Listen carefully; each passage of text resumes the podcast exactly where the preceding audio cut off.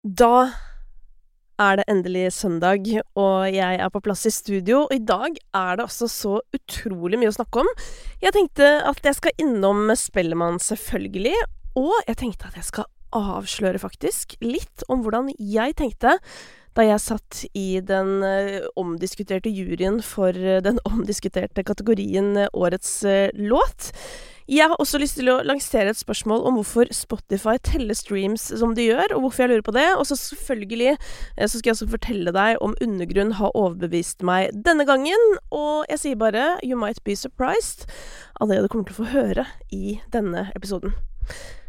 Ja, og så får du se, da, om denne lille teasen innfrir eh, det du nå sitter og forventer. Aller først, la oss begynne med Spellemann.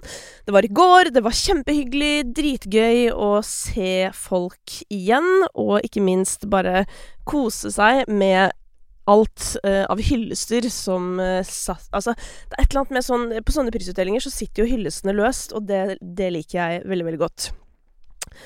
Um, altså, ja, nå har jeg sånn Hvor skal jeg starte? Det er så mye greier.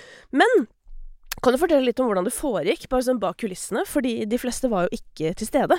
Eh, og det var veldig tidlig i går. Eh, det var en generalprøve som startet sånn i ett-tiden. Så startet Rød løper klokken halv fire. Deretter så var det en slags middag inne i lokalet der hvor også prisutdelingen foregikk, som var sånn klokken fem. Og klokka seks så starta showet. Eh, på ekte, men så gikk det vel på TV sånn tre-fire timer senere, og da var også deler av showet kraftig klippet ned, sånn at du fikk ikke med deg da alle prisene som ble delt ut. Og jeg har ikke rukket å se det på TV selv, så jeg eh, vet faktisk ikke helt hva som ble med og ikke. Men vi som var til stede, vi fikk jo da selvfølgelig med oss eh, det hele. Og det var jo eh, noen som vant flere priser enn andre. Før vi går til eh, prisene og hvorvidt eh, de var fortjent eller ikke, så var det jo eh, denne røde løpersituasjonen som jeg har lyst til å komme tilbake til. Fordi det som var litt gøy med rød løper denne gangen, syns jeg, da, det var at jeg følte at det ble stilt ganske mange vesentlige spørsmål. Eh, det kan jo hende at jeg ble stilt de spesifikt fordi jeg driver med den slags. Det vet jeg ikke. Men jeg fikk i hvert fall både spørsmål om dette med kjønn eh, og nominasjoner, og spesielt av årets låt. Og så fikk jeg også spørsmål om eh, Lasse Særvik, eh, altså denne 16-åringen som eh, på fredag, var det vel, toppet uh, Spotify sin uh, toppliste. Sånn at uh, jeg var nesten sånn tassa nedover der og tenkte sånn Nei, men guri, dette her er jo veldig interessant. Jeg merket at jeg ble stående og prate veldig lenge, og det er jo veldig, veldig dumt. For det første fordi på en måte den rødløperen eh, Eller ingen rødløper handler jo om på en måte meg, bare så det er sagt. Men eh, jeg, jeg, begynner å føle på sånn her Å nei, nå sperrer jeg på en måte intervjuet til noen andre, hvis du skjønner. Så jeg må på en måte bare komme meg videre, sånn at eh, artistene, altså de det egentlig handler om fikk skinne. Samtidig så har jeg jo litt å bjuda på, da, når det kommer til dette med eh, kjønn og musikk og kommersiell suksess og alt det der. Fordi det er jo ikke noe hemmelighet at 2022, det var jo mennenes år hva kommersiell suksess angår. Og bare for å stadfeste det med en eneste gang, så er det ikke sånn at uh, noen lager noe bedre musikk enn andre. Overhodet ikke. Men det er jo dessverre sånn at når det kommer til hvilke låter folk velger å høre mest på, så valgte folk i fjor å høre på eh, flest låter laget av menn. Og det er det helt sikkert mye vi kan gjøre noe med, men jeg satt jo da i denne juryen. Jeg sa det innledningsvis at juryen var omdiskutert. Det var den kanskje ikke, jeg har ikke hørt noen sånne diskusjoner om det. Men den prisen, den føler jeg jo er veldig omdiskutert, ikke sant, fordi at sånn og hvis det handler om kommersiell suksess, liksom, hvorfor heter det ikke bare Årets hit, eller et eller annet sånt? Og det er jo en diskusjon som jeg føler kommer opp hvert eneste år.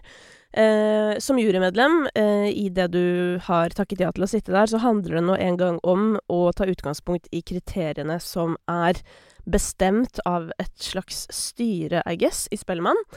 Eh, og så forholde seg til det og ta eh, avgjørelser på en måte basert på det som foreligger. Og så er det på en måte en liten dose skjønn som også skal oppi der, men skjønnet eh, i en kategori som Årets låt, det eh, treffer jo først Eller det Hva heter det? Det eh, Skjønnet aktiveres eh, idet man eventuelt sitter med et utvalg eh, som alle på en måte har gjort det ganske godt.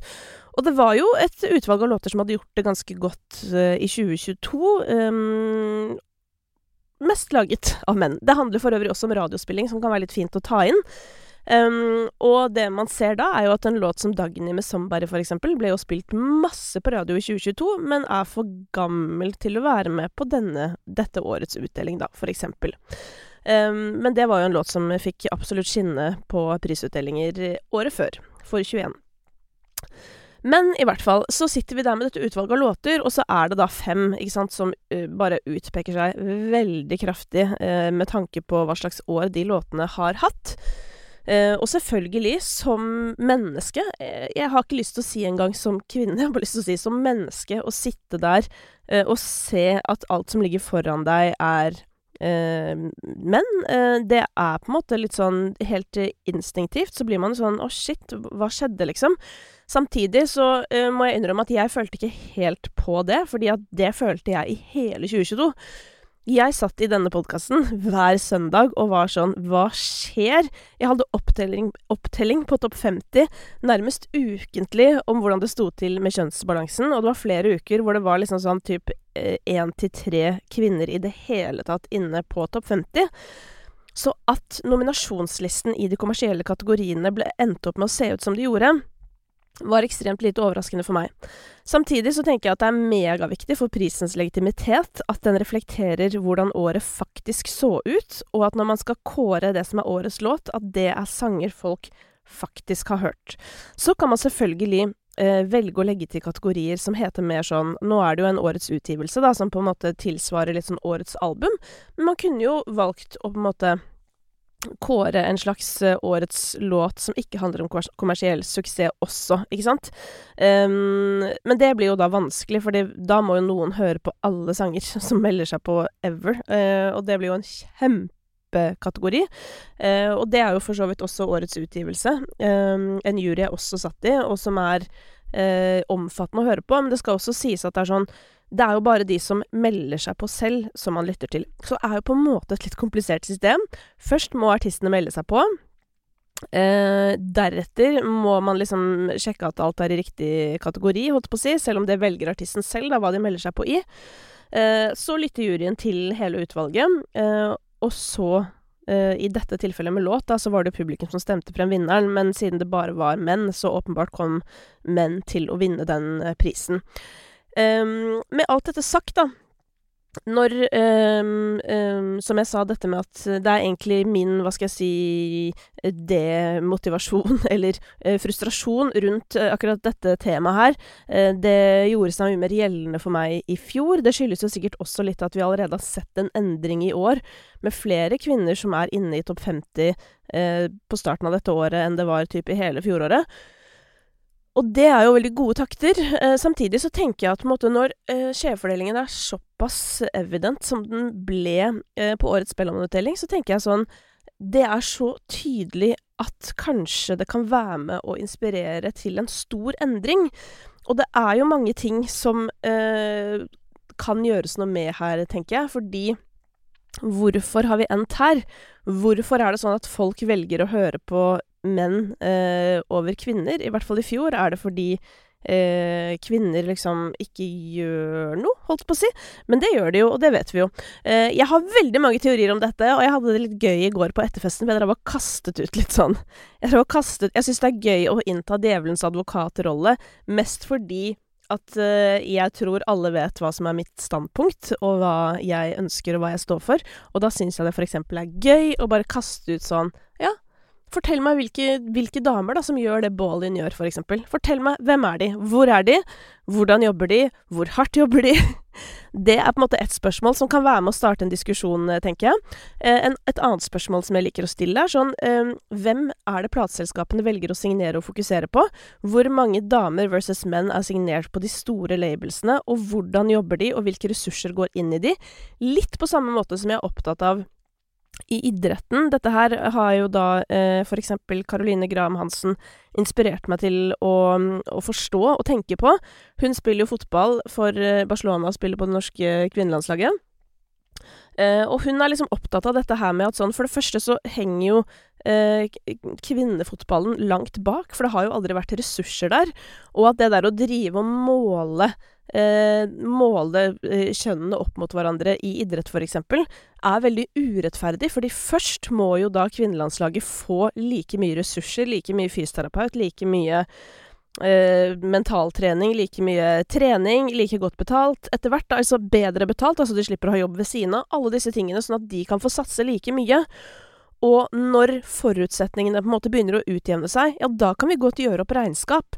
Men når man jobber liksom med to Altså på to helt forskjellige banehalvdeler, så kan man ikke sammenligne, da. Og det er sånn jeg syns er spennende også med eh, og, og hadde, Hvis vi hadde tatt et dypdykk inn i hvordan plateselskapene jobber, Um, og igjen, jeg er djevelens advokat, fordi herregud, vi vet jo at Astrid S, eh, Maria Mena, Dagny Altså, det er mange store artister som er kvinner som vi vet at plateselskapene satser på der ute. Men eh, for eksempel i nysigneringer og sånn, hvor mange er menn, og hvor mange er kvinner, og hvordan er kjønnsbalansen? Fordi Plateselskap har jo faktisk mulighet til å legge penger bak artister og løfte de opp og frem. Så det er et tema som kunne vært en samtalestartner. Eh, og så er det jo dette her med publikum, ikke sant, eh, og hvordan de oppfatter budskap fra eh, forskjellige folk. Eh, for det har jo på en måte virka litt som at gutta krutt kan få lov å holde på å si eh, drøye ting i låter, og at folk bare elsker det. Men funker det like bra hvis en dame hadde gjort det? Og uansett, er det sånn vi har lyst til å løse problemet, med å bare også få masse damer til å lage på en måte Rockboys-musikk? Er det det vi ønsker oss? Jeg vet ikke. Jeg bare stiller spørsmålene.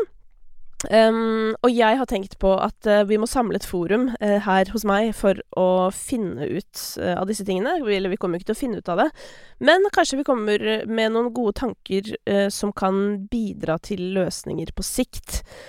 Så igjen, for å oppsummere hele den årets låtingen, jeg bare håper at vi kan alle på en måte bruke det som en slags bevisstgjøring på at sånn nå er det på en måte veldig skjevt her, la oss gjøre noe med det.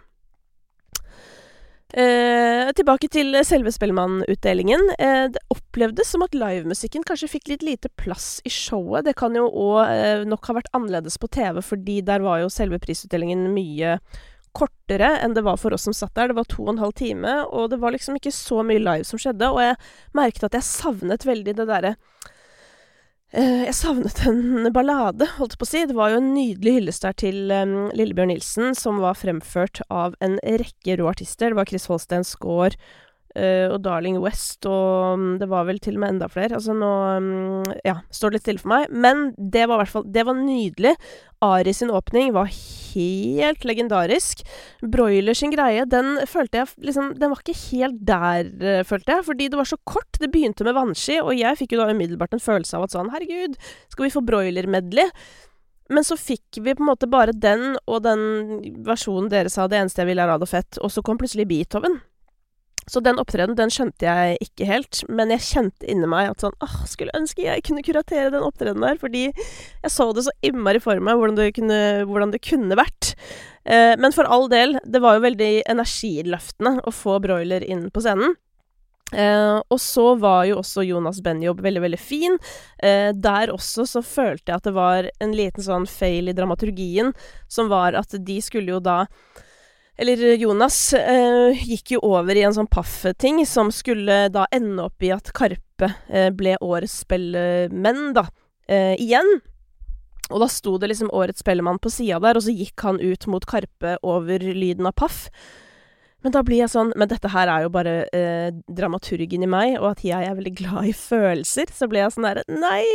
Dette, hvorfor eh, Nå skal det jo skje noe sykt, som er at Karpe vinner Årets Spellemann for andre gang. Da må man jo klare å legge opp dramaturgien sånn at de blir rørt, tenkte jeg. Eh, jeg elsker jo å legge opp til rørt stemning. Dette har jeg også snakket om mange ganger før, at jeg savner at liksom Jeg savner reaksjonene fra Idrettsgallaen på Spellemann fordi Uh, jeg vet ikke hva det er. Det er sikkert mange ting som gjør det, men at uh, vi i musikkverdenen kanskje må være enda flinkere til når vi lager innhold og musikk. Åh, oh, nå kommer sikkert noen artister til å hate meg for dette, men jeg tror det er sinnssykt viktig å få frem følelser, da. Uh, Fordi hvis du ser på alle tingene som på en måte folk liker å se på, eh, så er jo det Når ting er nært og ekte og alt det der, og det å på en måte Um, altså, Spellemann og alt det er jo en sånn pressa situasjon, så det er kanskje, kanskje, vanskelig også å bli veldig, veldig rørt, selv om noen jo absolutt blir det. Men jeg tenker sånn, det å få en Spellemannpris, det er jo på en måte helt Det er jo helt sjukt. Tenk Altså, hvem skulle trodd da man var ti år, hvis du skjønner, og hvem skulle trodd at man kan være um, 38 39 år, alt ettersom hva Karpe er, og på en måte eie det så sinnssykt, da. Det er jo i grenseland helt utrolig. Um, så der, den også kjente jeg sånn ah, jeg skulle ønske jeg kunne bli med å skrive dramaturgien på hvordan dette skal uh, Ja, hvordan dette skal utdeles. Um, men det er jo nerdingen i meg. Så det kan hende ingen andre følte på. Men dette her er jo sånne ting jeg elsker å jobbe med, uh, så jeg burde jo på en måte jobbet med det, tenker jeg. Um, maybe next year, som de sier. Ingrid, uh, Jasmin um, Ja, jeg vil også legge til, apropos det, herregud, jeg syns Selma og Josef var en fantastisk programlederduo. Uh, da, jeg da jeg bare så at det ble lansert at de skulle gjøre det, så fikk jeg sånn dritkult. Så gøy. Uh, jeg er glad Altså, jeg er veldig glad i Selma. Altså, jeg kjenner jo ikke Selma særlig godt, men jeg har bare så sansen for Selma. Syns hun er dritflink. Hun er kul. Hun representerer eh, noe som jeg tenker bare er så viktig for så mange, fordi hun er liksom den eh, Hun er dritkul, men hun er sårbar. Elsker, elsker henne. Syns Josef har gjort en kjempegod jobb, og som du vet, altså, jeg elsker jo alle de mentorene i The Voice. Det er jo på en måte Jeg koser meg jo så mye med det. Ah, um, jeg må ta opp en ting til fra uh, Spellemann. Jeg merker jeg beklager rotet i uh, at jeg, jeg, skriver på en måte ikke manus til dette, som du kanskje vet. Eller det er vel rimelig åpenbart. Uh, så det ble ikke så god struktur. Men jeg, jeg, fikk en påminner om noe som jeg har lyst til å dele med deg i går, og det var da det ble delt ut pris i Åpen klasse. Det er jo en kategori som eh, er fjern for de fleste, eh, og jeg er helt sikker på at når Hvis du så på sendinga og du fikk det presentert, så kanskje du bare tenkte what the fuck er dette? Eh, for det er jo litt sånn all slags, og du har sikkert ikke hørt om artistene. Men hun som vant, Ingrid Jasmin, hun hadde jeg nemlig en liten sånn runde ikke runde med, men jeg dreiv og, og, researchet henne, holdt på å si, for et par måneder siden, fordi hun dukket opp i feeden min, og jeg var bare sånn wow, hva er det her? Og det er på en måte en blanding Altså, jeg gjør det enkelt, så jeg må bare sette det på spissen. Men bare se for deg Ingebjørg Bratland møter Rosalia, og da har du Ingrid Jasmin. Da. Det er liksom folkemusikk. Litt sånn tradisjonell norsk folkemusikk blandet med eh, søramerikansk eh, popmusikk, hvis du skjønner. Og det er ganske fett. Eh, og hun hadde også en helt nydelig takketale som eh, eh, inspirerte meg mye. Og jeg tenkte bare sånn Jeg må møte henne. Og så prøvde jeg å finne henne på festen, og så vant jeg henne ikke. Så det var jo nedtur. Men jeg har lyst til lyst til å eh, anbefale deg å sjekke henne ut. Ingrid Jasmin, altså. Eh, jeg har en ting til jeg må si angående årets låt. Fordi der var det jo eh, sånn at eh, jeg syns jeg, jeg, må bare si at jeg syns alle de nominerte der på en måte fortjente å vinne den, og ikke No Diss til Beethoven, men den Sør-Afrika, det er kanskje den jeg tenker sånn Den er dritfet og kjempegøy og god S og alt det der, men det var kanskje ikke liksom årets årets låt. Men så har du da Vinni, som eh, kanskje ikke liksom var årets låt for så veldig mange heller, men som for meg er noe av det mest imponerende jeg har sett eh, for et eh, comeback, på en måte. Eh, den låta lå, altså den lå i sånn type topp ti nesten hele året. En så rolig låt som på en måte kommer fra en artist som som Ja, hva skal jeg si? Hvis storhetstid kanskje mange trodde var over, da. Uh, og den låta har 27 millioner streams, så den syns jeg bare er helt sinnssykt imponerende. Men selvfølgelig så har jo på en måte Dans på bordet og Paff kanskje vært sånn større låter i den forstand at den har på en måte De har kanskje vært med eh, på større hendelser i livene til folk, da. Um, fordi at de har kanskje blitt spilt i, du vet, i bryllup, eh, på byen, på fester, på russebusser, altså alle de tingene her. Så begge de to låtene var jo også utrolig sterke kandidater. Og så var det jo Ramón med OK jeg lover, som bare er en helt utrolig låt, syns jeg. Dritfett. Nyskapende. Um, streamet mest på ett døgn.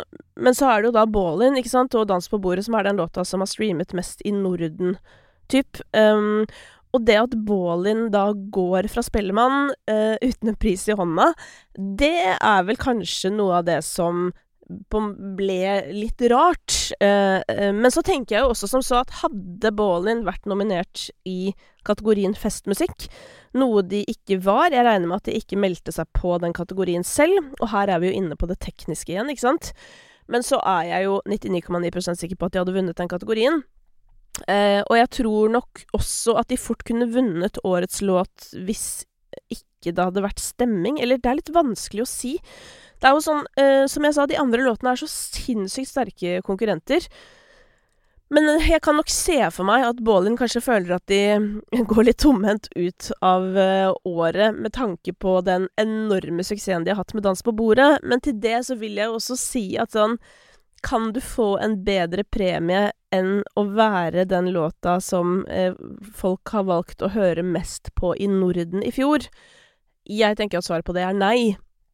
Eh, og så tenker jeg at de prisene, de, de kommer eh, på et eller annet tidspunkt, og at det handler kanskje litt om å smøre seg med tålmodighet. Men det her eh, det, er, eh, det er vriene greier, altså, rett og slett. Um, men av uh, Vi har jo snakket tidligere om Eller jeg har jo snakket tidligere til deg om sånn de nominerte, og det var jo egentlig, syns jeg, en ganske ålreit nominasjonsliste. Jeg savnet jo Highasakite, som jeg sa. Men uh, hva, uh, hva, gjelder hvem som fikk priser, så føler jeg at det var ganske sånn ålreit uh, fordelt. Men akkurat at Jeg vet ikke hvilken pris som sagt Baalin skulle tatt. fordi det var ekstremt sterk konkurranse. Og jeg snakket med en god venn av meg i går som sa sånn der at um, fordi vi snakket jo alle om at sånn Karpe burde bare hatt sin egen prisutdeling, men han sa at sånn derre Spellemann skulle bare begynt med at man delte ut prisen for årets år. årets år går til Karpe, og så kunne man tatt fatt på resten, på en måte. Um, og jeg prøvde virkelig å utfordre meg selv på sånn der OK, men er det noen av prisene her som Karpe liksom ikke skulle fått, på en måte?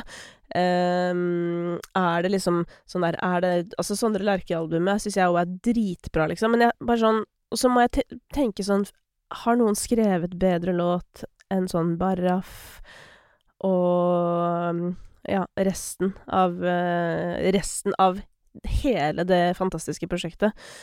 Omar Sharif, så er det sånn mm, Nei, det vel kanskje ikke det, altså. Så da, så da ble det sånn, da. Men uh, herregud, sinnssykt imponerende, og um, føler jeg har sagt det meste jeg kan si om Karpe i den episoden jeg lagde etter, um, etter Oslo Spektrum, som for øvrig du kan bla deg tilbake til. Den heter et eller annet sånn ti ting om Oslo Spektrum, eller et eller annet sånt. Um, OK. Da er det kanskje tid for å hoppe inn i eh, det som ikke handler om uh, Spellemann. Um, og da er det jo selvfølgelig dette fenomenet, da, eh, Lasse, eh, med denne Hawaii-låta, som jo på en måte ja, det er jo det er, det er, jo ikke noe, skulle du si. Men jo, vet du hva? Eh, jeg kan faktisk gi deg en veldig smooth overgang fra Spellemann til Lasse. Fordi jeg delte ut en pris i går, og i den anledning så sa jeg noen svært få, men velvalgte ord eh, på vei inn i denne prisen som skulle deles ut, eh, som da var årets låtskriver. Og da sa jeg et eller annet sånn der at en, en, fet produksjon, en unik idé for, for, lansering og store plattformer kan ta en artist langt, men alt dette skinner best eh, når musikken er veldig bra, ikke sant? Eh, og her er, vi, her er vi inne på noe med Lasse, eh, som har ikke nødvendigvis en sånn veldig stor plattform enn så lenge, men som har et sykt engasjement og en jævlig kjapt voksende konto på TikTok.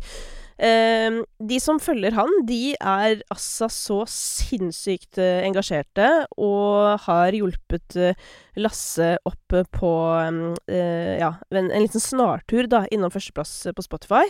og han har jo gitt ut denne låta helt selv, altså typ logget inn i Spotify og lasta den opp, så dette kan jo også fort bli noen greie cash for han. Det kan jo bli en grei timelønn på den låta der, uten at jeg vet hvor lang tid det har tatt. Men etter resultatet å dømme, Eh, så tenker jeg at det kanskje ikke har tatt sånn kjempelang tid.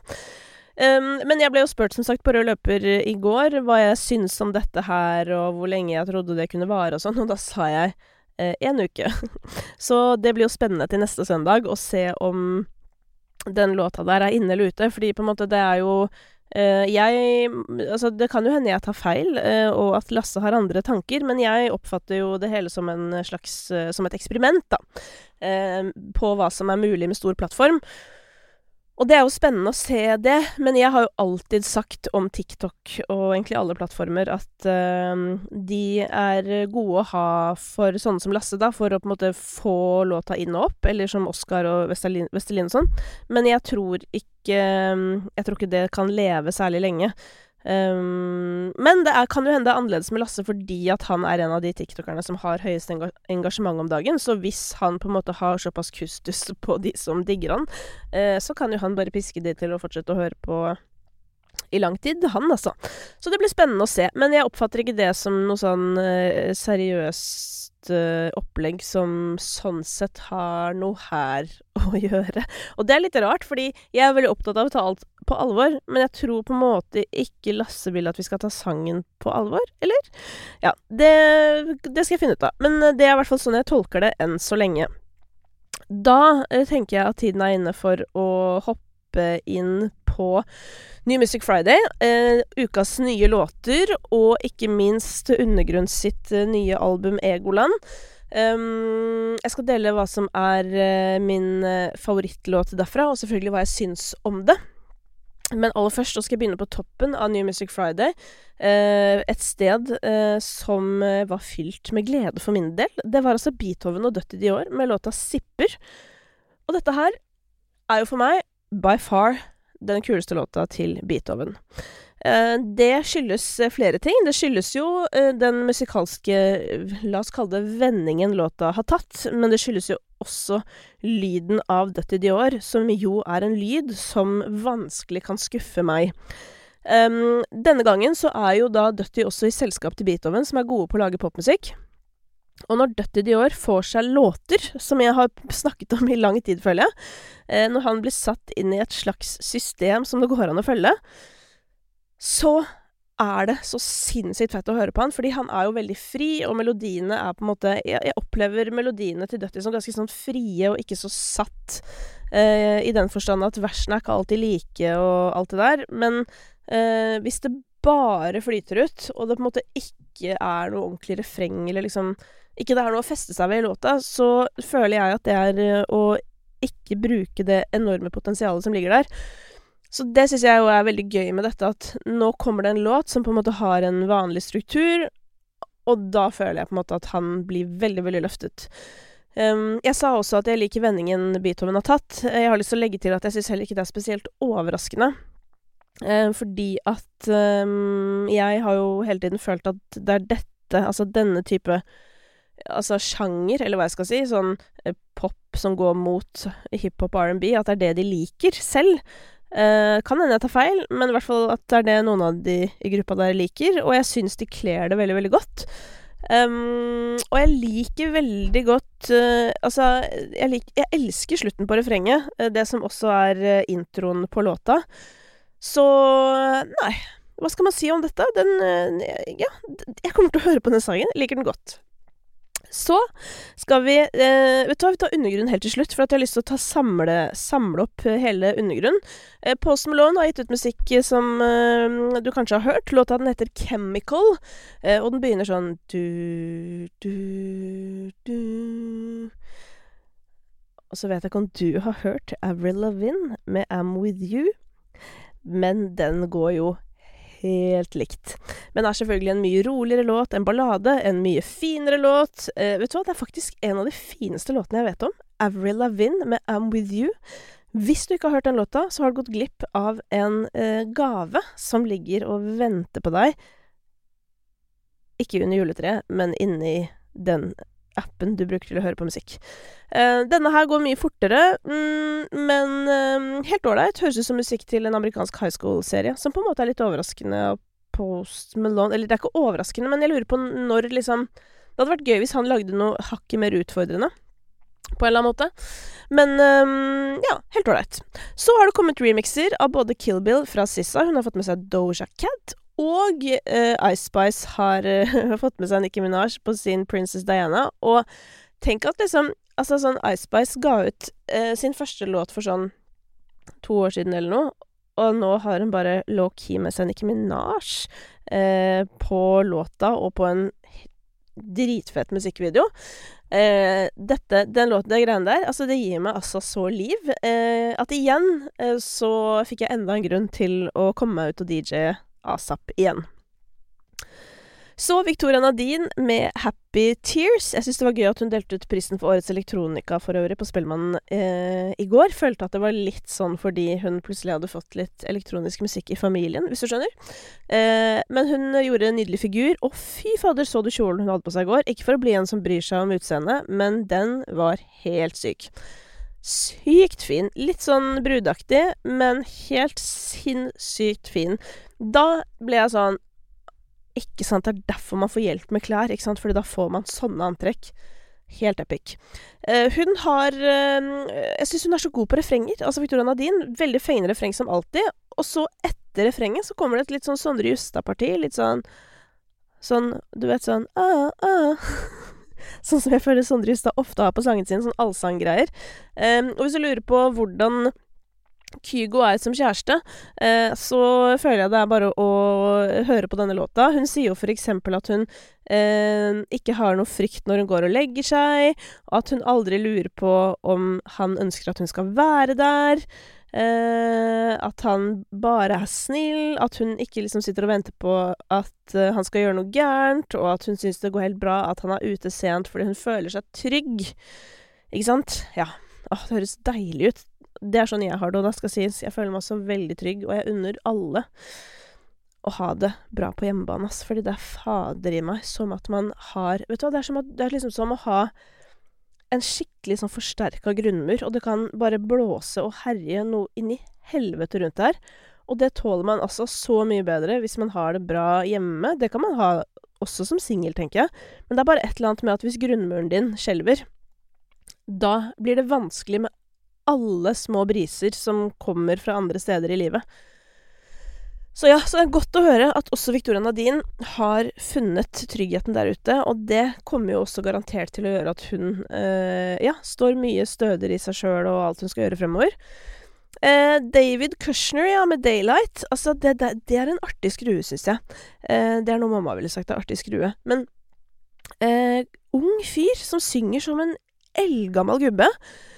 Uh, og som nå uh, har Altså, for deg som ikke har hørt han, husker du Hosier? Han derre Take me to church Og den huska jeg ikke helt. Jo, den var sånn. Take me Det var Take me to church. Ja. Eller sånn derre The Lumineers-aktig. Eller du vet, litt sånn folk Trist folk-opplegg. Uh, han er der. Og han har veldig sånn Altså, stemmen hans er så spesiell. Uh, jeg ble helt sånn Jeg måtte gå inn og se på Altså, jeg har sett ham på TikTok, men jeg blir sånn Er det han? Ja, det er han. Eh, TikTok har da åpenbart uh, spilt en veldig stor rolle for han. Um, og det har også gjort sinnssykt store ting. Altså sånn han, Jeg bare leste at han har sagt i intervjuer sånn der Jeg hadde egentlig ikke tenkt å markedsføre musikken min så mye, og ja, det høres ut som det bare skjedde, hvis du skjønner. Og det skjedde jo altså så inn i hampen, og det er jo også derfor han nå er, eh, tipper jeg, da, at han gikk jo rett inn på tredjeplass eller et eller annet. Og det er nok fordi han har teaset denne låta veldig lenge på TikTok. Jeg spår også dette til å bli en sånn The Voice-slager, som jeg kaller det. En låt som mange kommer til å covre. Um, ja, vi tar med et par til før vi går over på undergrunn. Uh, Tura Botyr har laga en som heter Penger i banken. Jeg er jo veldig glad i Turab og syns han er veldig flink. Akkurat den her for fikk jeg jeg vet at mange liksom syns at Turab eh, tidvis kan høres litt ut som Karpe og Som er sånn eh, Ja, mulig, men akkurat denne syns jeg var litt sånn tidlig Karpe-aktig. Eh, litt sånn blanding av 24 gods og SAS Pussy, hvis du skjønner, men i sounden, altså ikke i innholdet. Eh, nødvendigvis. Eh, Tyr er også med, gjør god figur, sånn som Tyr ofte gjør. Uh, Oven uh, har gitt ut en låt som heter Kjære Henrik, og jeg har bare lyst til å gjenta det jeg alltid pleier å si. Han, han, er inne på noe. føler, Det har ikke løsna helt, men han er inne på noe, og det jeg føler han er inne på, er at han er inne på ganske gode låter, altså. Og det er jo veldig gøy. Jo flere som kan lage liksom skikkelig gode låter, jo mer norske hits blir det. Så har det vært litt aktivitet i festavdelingen. Eh, kan dra fram et par av de, Stavangerkameratene og Staysman, med en låt som heter 'Sommertid'. Um, og her er det noen som har prøvd seg på noe halvveis Avicii-greier, litt sånn Hey Brother. Men uh, det tekstlige innholdet tror jeg er litt tenkt litt mer sånn ironisk. Uh, litt sånn Jeg måtte bare Jeg bare hørte sånn derre sier Uh, Hei, nå er det faen meg mye bråk, og ungene er redde og griner. Ja. Ja. Det Jeg hører på Hey Brother i stedet, eh, enn akkurat denne. Jeg, jeg, lurer på, liksom, fordi det jeg lurer på, er at sånn Det at det på en måte musikalsk utgir seg for å ikke være så køddent, det gjorde det på en eller annen måte mindre gøy syns jeg, da. Eh, for jeg, jeg, har et eksempel på det motsatte, hvor, hvor måte hvor innholdet er køddent, og musikken nå er jævlig kødden. Eh, og det var Rines-Ronny og Karina Dahl, som har gitt ut en sang som heter Fem Shots. Eh, og her har de liksom omfavnet festsjangeren med alt det innebærer. Eh, og det som er nice med at Karina Dahl er med på denne, er jo at da får man det kvinnelige perspektivet. Eh, så hun synger et eller annet som at i natt skal det daskes. Uh, og jeg skal drikke deg fin. Ikke sant? Så i stedet for at liksom uh, Ja, da var det endelig en dame som skal drikke noen fin også. Uh, og det tenker jeg det er jo bra, apropos likestilling i musikken. Um, men denne type festmusikk, det kommer ikke inn på spillelista mi. Jeg liker jo bedre når det dras på en måte Altså når det er bare litt sånn seriøst men for all del. Det er jo som Karina Dahl pleier å si, det er dette folk hører på og koser seg med på fest. Eh, på min fest derimot, så kommer det nok til å bli spilt mer av Beethoven og Døtte Dior akkurat denne uka. Men kanskje også noe fra undergrunnen. For nå skal vi til Egoland, som er deres uh, nye album. Det er jo hyppig frekvens på utgivelser fra den gjengen der. Som på en måte er imponerende, men samtidig ikke, fordi det er jo en stor gjeng. Så det er jo ikke så mange som må gjøre så mye per låt for at det skal bli noe, hvis du skjønner.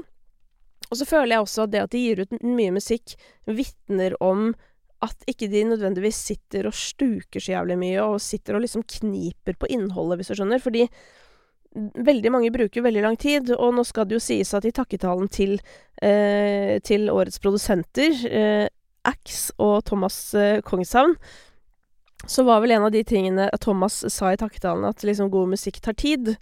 Eh, og det kan man jo si, men så er det jo på en måte òg kanskje litt sånn alt til sin tid her i livet-aktig.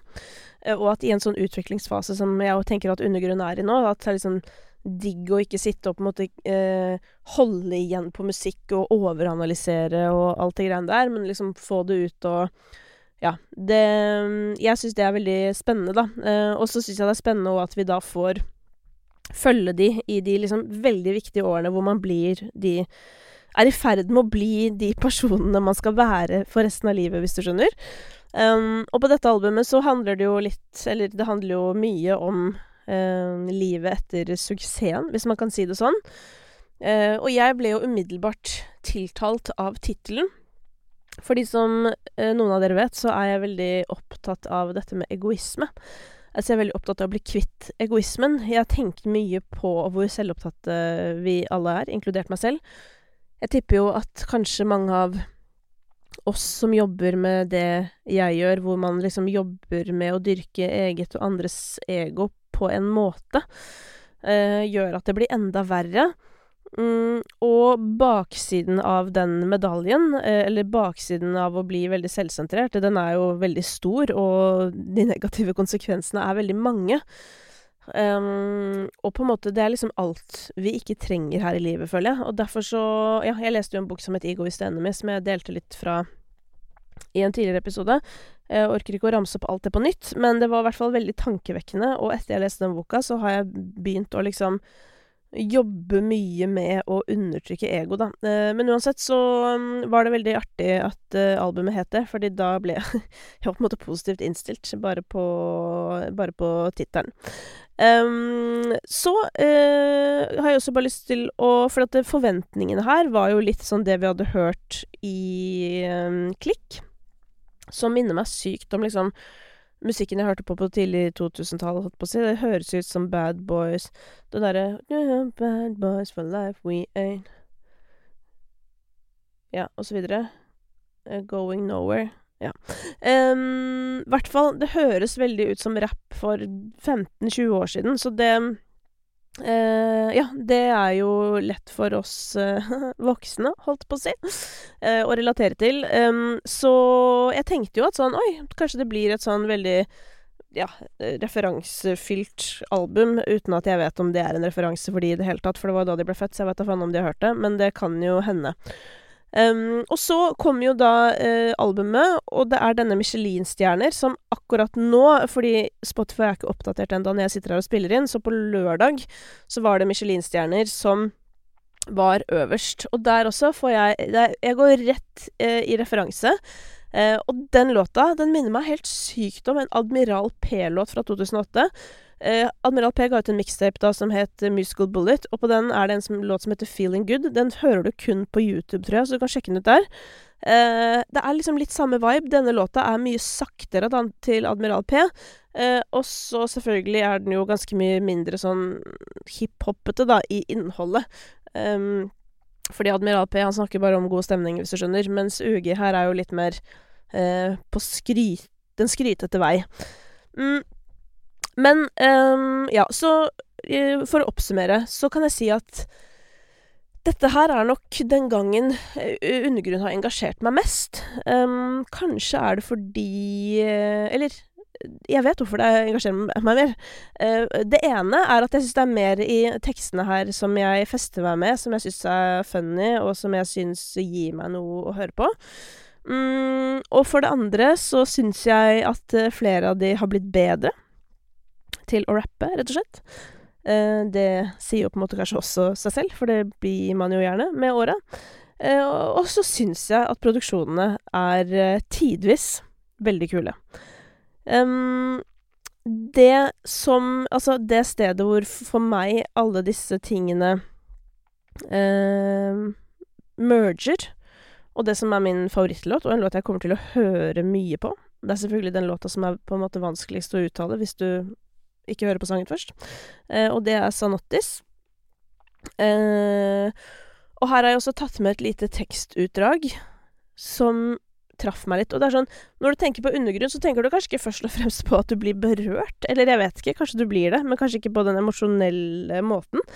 Men på denne låta her så blir jeg én berørt av følelsen i musikken, altså instrumentalen. Eh, det er veldig min uh, Det er veldig min greie, denne instrumentalen.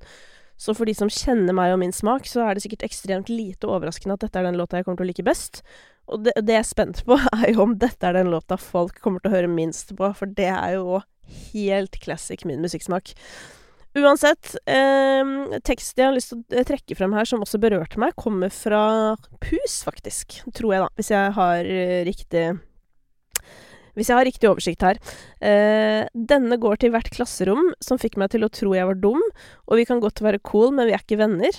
Ah, kjenner meg så igjen. Eller du vet sånn eh, Ikke i å være dum i klasserom, men, men den derre folk som har på en måte ikke vært kule med deg før, og så skal de bli venner. Så er det sånn Vi kan godt ha en god tone, men vi er ikke venner. Ja.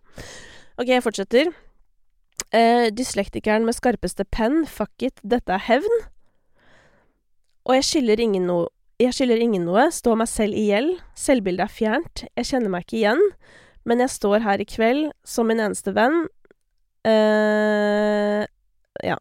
Og så at framtiden er pen på slutten her. Altså, jeg bare ah, Jeg likte det så godt, men jeg tror òg det er liksom Instrumentalen løfter dette veldig for meg. Så den låta Nei, den likte jeg meget, meget godt. Og um, ja, jeg merker at jeg er spent på mitt forhold til undergrunn i tiden som kommer. Meget. Det var i hvert fall generell Det var en generell megaopptur med New Music Friday den uh, uka her. Så hvis det skal fortsette sånn, da blir dette et dritbra år. Men la meg nå bare se, apropos kvinner, snakket jeg om noen kvinner her nå, eller? For nå må jeg ta meg sjæl i det. Nå skal vi se. var det noen damer på lista mi, for at jeg ja, det var Vet du hva? Nå var det veldig mye gubbe her. Ja, det var jo Victoria Nadine. Ja, ikke sant? Det er jo en generell utfordring her eh, i Norge med artister og kjønn og hvem som Ikke sant? Kommersielt. Det er det. Um, kan også da ta med at Ash Olsen har gitt ut ny musikk denne uken. Jeg tror den heter Juice. Den var uh, Jeg syns hun har noe, som jeg pleier å si, men det var bare ikke sånn Det berørte meg ikke så mye at jeg hadde lyst til å snakke lenge om det. Men uh, nå drar jeg det i hvert fall frem, fordi det var absolutt positivt, og en låt som har vært å anbefale. Uh, og så en ting jeg lurer på. Hvis jeg skulle samlet et lite, et lite panel, da, eller lagd en liten serie liksom om hva vi kan gjøre for å få folk til å høre også på damer. Hvem ville du hørt meg i samtale med da? Skriv det til meg på Instagram, vær så snill. Eh, engasjer deg. Har du andre tilbakemeldinger på min utsagn for dagen, eh, så send det til meg også. Gleder meg til å høre fra deg, og ønsker deg en nydelig uke. Og kan glede deg med at eh, til uka så kommer det en lang og deilig prat med Raman. Hey, it's Paige DeSorbo from Giggly Squad. High quality fashion without the price tag. Say hello to Quince. I'm snagging high-end essentials like cozy cashmere sweaters, sleek leather jackets, fine jewelry, and so much more. With Quince being 50 to 80% less than similar brands. And they partner with factories that prioritize safe, ethical, and responsible manufacturing. I love that. Luxury quality within reach. Go to quince.com slash style to get free shipping and 365 day returns on your next order. Quince.com slash style. When you need mealtime inspiration, it's worth shopping Kroger, where you'll find over 30,000 mouthwatering choices that excite your inner foodie. And no matter what tasty choice you make, you'll enjoy our everyday low prices, plus extra ways to save, like digital coupons worth over $600 each week. You can also save up to $1 off per gallon at the pump with fuel points. More savings and more inspiring flavors make shopping Kroger worth it every time. Kroger, fresh for everyone. Fuel restrictions apply.